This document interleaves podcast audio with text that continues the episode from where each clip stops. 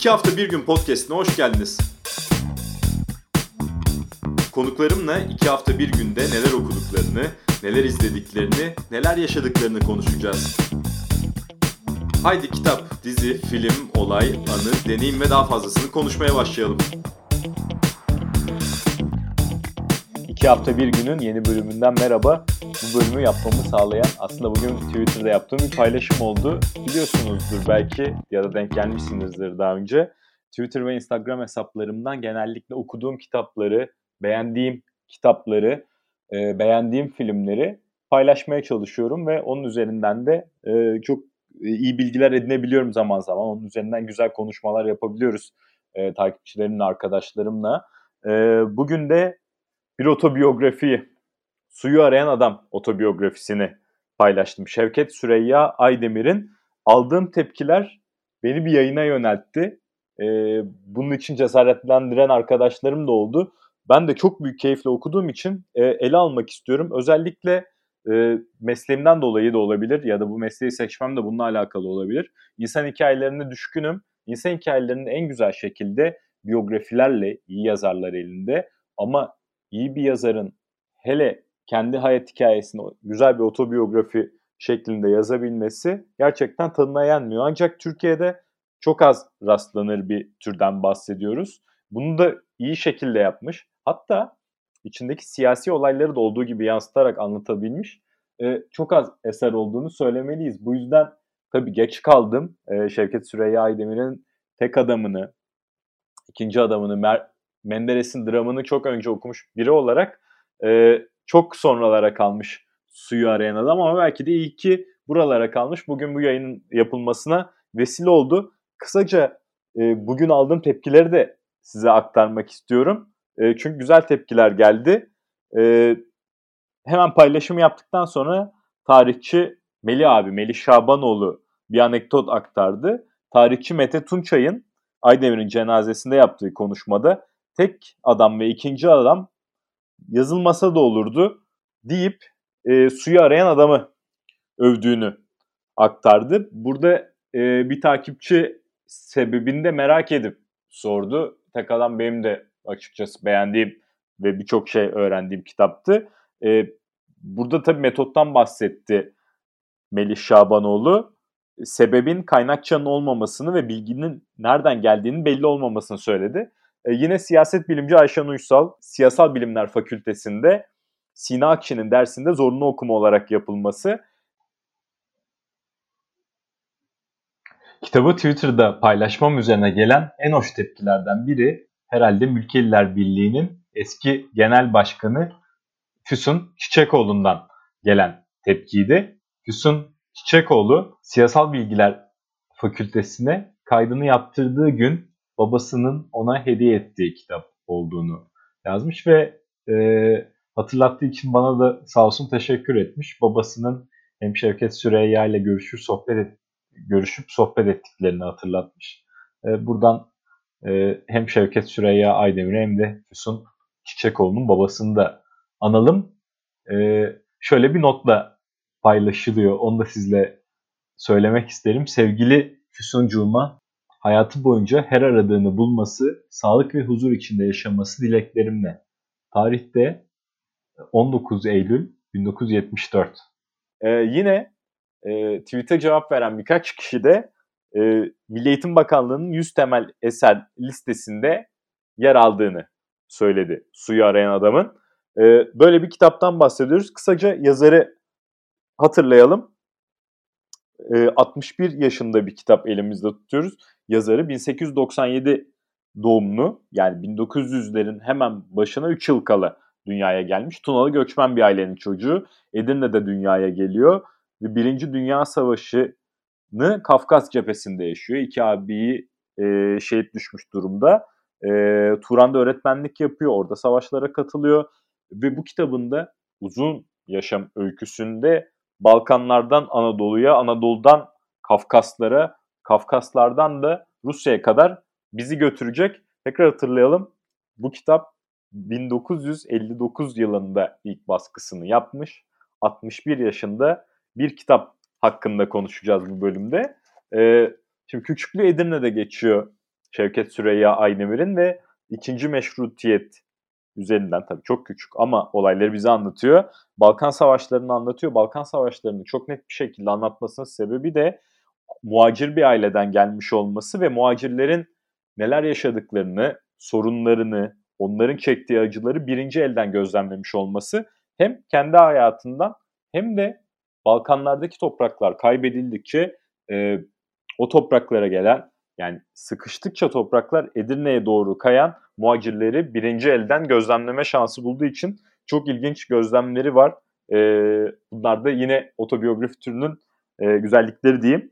E, daha sonra geçtiği Anadolu'da ise büyük bir hayal kırıklığı yaşıyor yazar. O da zaten kitabın bütününde göreceğimiz üzere Şevket Süreyya Aydemir'in Turancılıktan komünizme, komünizmden cumhuriyetçi cumhuriyetçiliğe savrulduğu süreçte hayata başlarken kafasında kurduğu ideallerle hayatın gerçekleri arasında çok büyük uçurum olması sık sık karşımıza zaten e, çıkacak. Anadolu da bunların en başında geliyor. Anadolu'nun bu kadar ihmal edildiğinin, bu kadar geri kaldığının e, farkında değil.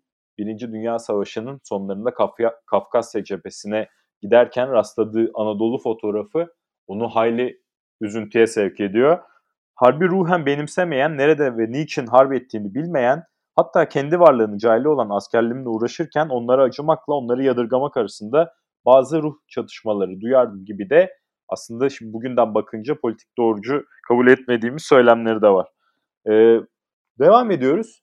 Ee, soyadı kanunu da geldikten sonra da Aydemir soyadını almasına sebep olacak. Tabii Aydemir soyadı Turan'dan geliyor ve geri dönüp baktığında o yaşa, o gençlik yaşlarının uygun bulduğu idealleri devleti idare etme misyonunu ve sorumluluğundaki Enver Paşa'nın uygulayabilmiş olması bu kitabı yazdığı devirden bakınca e, onu rahatsız ediyor. Şevket Süreyya Aydemir'in yolculuğu Azerbaycan'a doğru devam ediyor. Kafkaslara doğru devam ediyor Anadolu'dan sonra.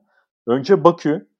Bakü'de öğretmenlik yapacakken oradaki e, tanıştığı insanların Türkiye'den gelen öğretmenlerin Turan e, ideali ilkesiyle gelenlerin Bakü'deki hayattan memnun olduklarını ve oradaki Azerbaycan'ın ve Kafkasların taşrasına gitmekten geri kaldıklarını söyleyince o da kendisini taşraya atıyor ve taşrada yine hayallerle gerçekler birbirini karşılamıyor. En başta karşısına çıkan e, Azerbaycan Türkleri arasındaki Sünni Şii mezhep farklılığı ve şöyle bir sözü var orada.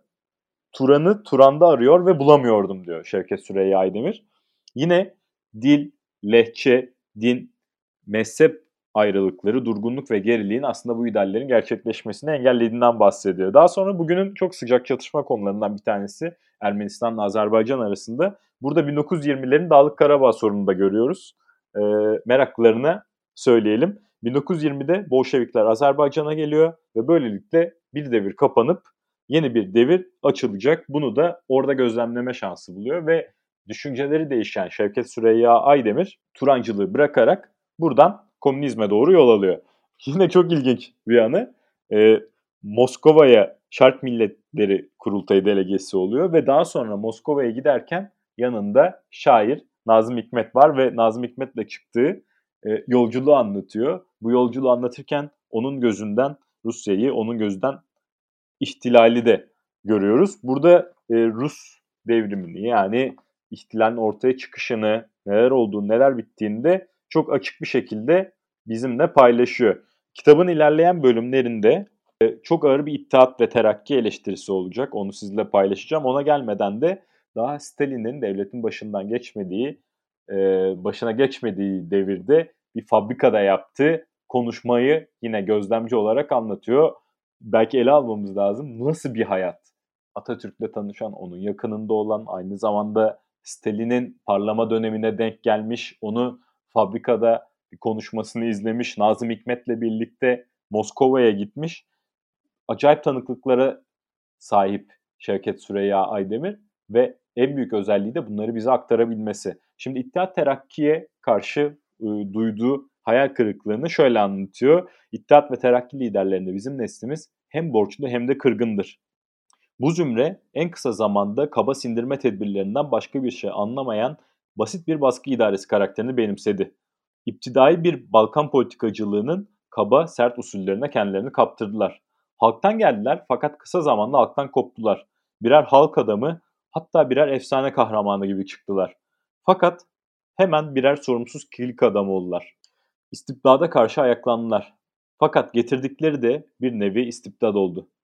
Yağmaya verilen değerler milletin onlara bağlanan iman ve ümidiydi diyor Şevket Süreyya Aydemir. Hiçbir zaman ileriyi gören, akıllı, basiretli kurucular ve devlet adamları olamadılar.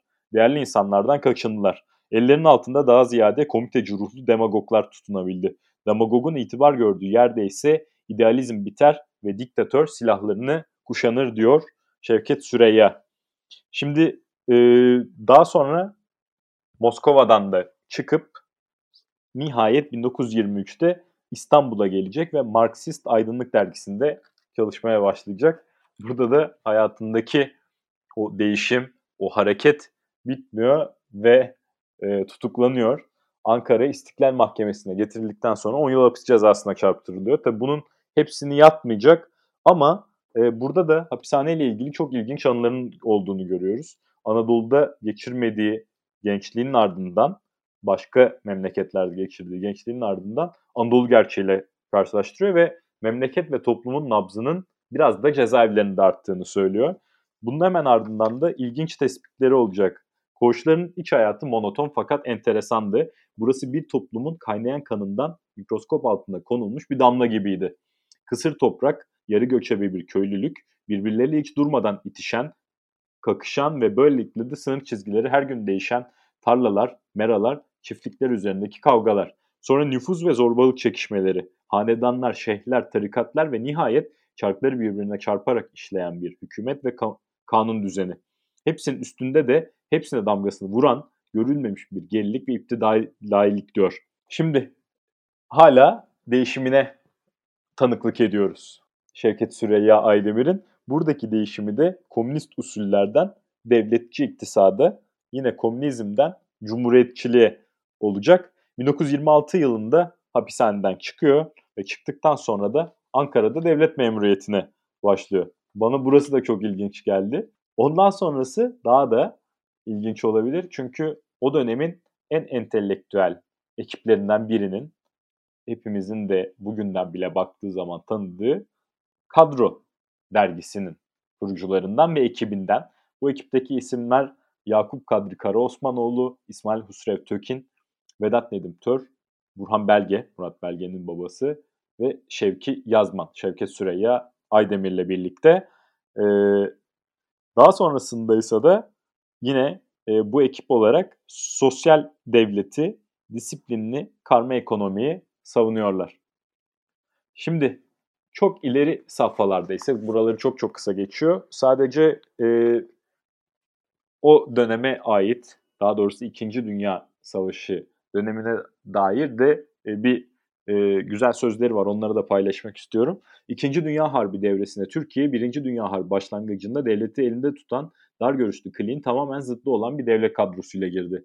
Tarihinin en büyük şansı olarak bu harbi militarist olmayan, hayalperest olmayan, harbin ne olduğunu ve sulhün değerini bilen bir hükümetin idaresinde geçirdi. Harbin ne olduğunu ve sulhün değerini bilmek, hem yurtta hem cihanda sulhü istemek Atatürk'ün Türk zihniyetine kazandırdığı bir Atatürk sulhü, bir ruh dengesidir. Bu halin Türk tarihinde daha önce devamlı bir misali yoktur. Belki bunun üzerinden konuyu toparlayabiliriz diye düşünüyorum. Çünkü bu yayını otobiyografi türüne övgü olarak kaydetmek istedim. Haddim olmayarak tabii ben bir biyografi veya otobiyografi yazarı değilim. Ee, ama Şevket Süreyya Aydemir'in iyi bir okuruydum. Bundan sonra çok daha başka biri benim için otobiyografisini okuduktan sonra. Çünkü çok az eşine rastlanır. Bir hayat öyküsünü daha da az rastlanır şekilde tüm detaylarıyla, itiraflarıyla, kendi hesaplaşmasıyla birlikte bir insanı gözlemliyoruz. Ve bu insanın fikirden fikre geçişi hasır altı ederek, halının altına süpürerek değil, gayet büyük bir olgunlukla kendisiyle hesaplaşarak yazmış bir insandan bahsediyoruz.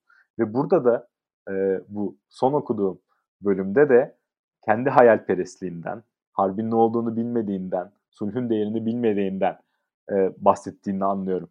Çünkü onların nesli harbi en yakından daha sonradan yaşayan e, ve sulhün değerini sonradan e, anlayacak kişiler oldular. Ancak o değişim dönemlerinde onlar da statükonun değişmesi için bambaşka şeylere ihtiyaç duyuyorlardı. Kanları kaynıyordu, gençlerdi ve Turan gibi idealler peşinden koşarak aslında hiç olmamış olduğunu sonradan fark etti. E, hedeflere canını ortaya koyarak, giderek e, en genç yıllarını Azerbaycan'ın taşrasında bilmediği yerlerde geçirerek, daha sonra da diğer ideallerin peşinde koşarak aslında zor olanını yapmış birisi Şevket Süreyya Aydemir. Ve ondan sonra yine de ideallerinin bedelini ödemiş birisi. Türkiye'ye döndüğü zaman bile Komünist Dergi'de yazdığı için tutuklanan, yine hayatın güzel yıllarından birkaçını hapishanede geçirmiş bir entelektüelden bahsediyoruz. O yüzden Şevket Süreyya Aydemir'in tanıklıklarını okumak bizim için çok büyük bir şans. 61 yıl sonra hala canlı, hala çıkarılacak dersler var. Şevket Süreyya Aydemir'in otobiyografisi aslında Türkiye'de yaşayan birçok insanı da ve bizim gibi eli kalem tutan insanları belki de hem başka insanların biyografilerini yazmaya teşvik etmeye, o kişileri zorlamaya çünkü bunların kayıt düşünmesinin ne kadar anlamlı olduğunu bugün baktığımızda görüyoruz. Benim bu kitabın ardından tarih bilgim arttı. Türkiye'ye dair görüşüm arttı. Türkiye'ye de geçin. Balkanlara, Kafkaslara, Osmanlı coğrafyasına, komünist Rusya'ya bunların her biri tanıklık o kadar önemli ve hepimizin ufkunu açan şeyler ki hepimiz daha fazla biyografi yazılması için özellikle de daha çok siyasal e, biyografi yazılması için e, çabalamalı ve bu tip eserlerinde değerini bilmeli. Böyle ne güzel. İşte bugün paylaştığımda aldığım tepkiler beni bu yayını yapmaya sevk etti. Paylaşmalı, bu tip kitapların daha çok okunmasını, bu tip eserlerin daha çok takip edilmesine de ön ayak olmalı. Birbirimizi desteklemeliyiz diye de düşünüyorum. İki hafta bir günün bu bölümünün sonuna gelirken.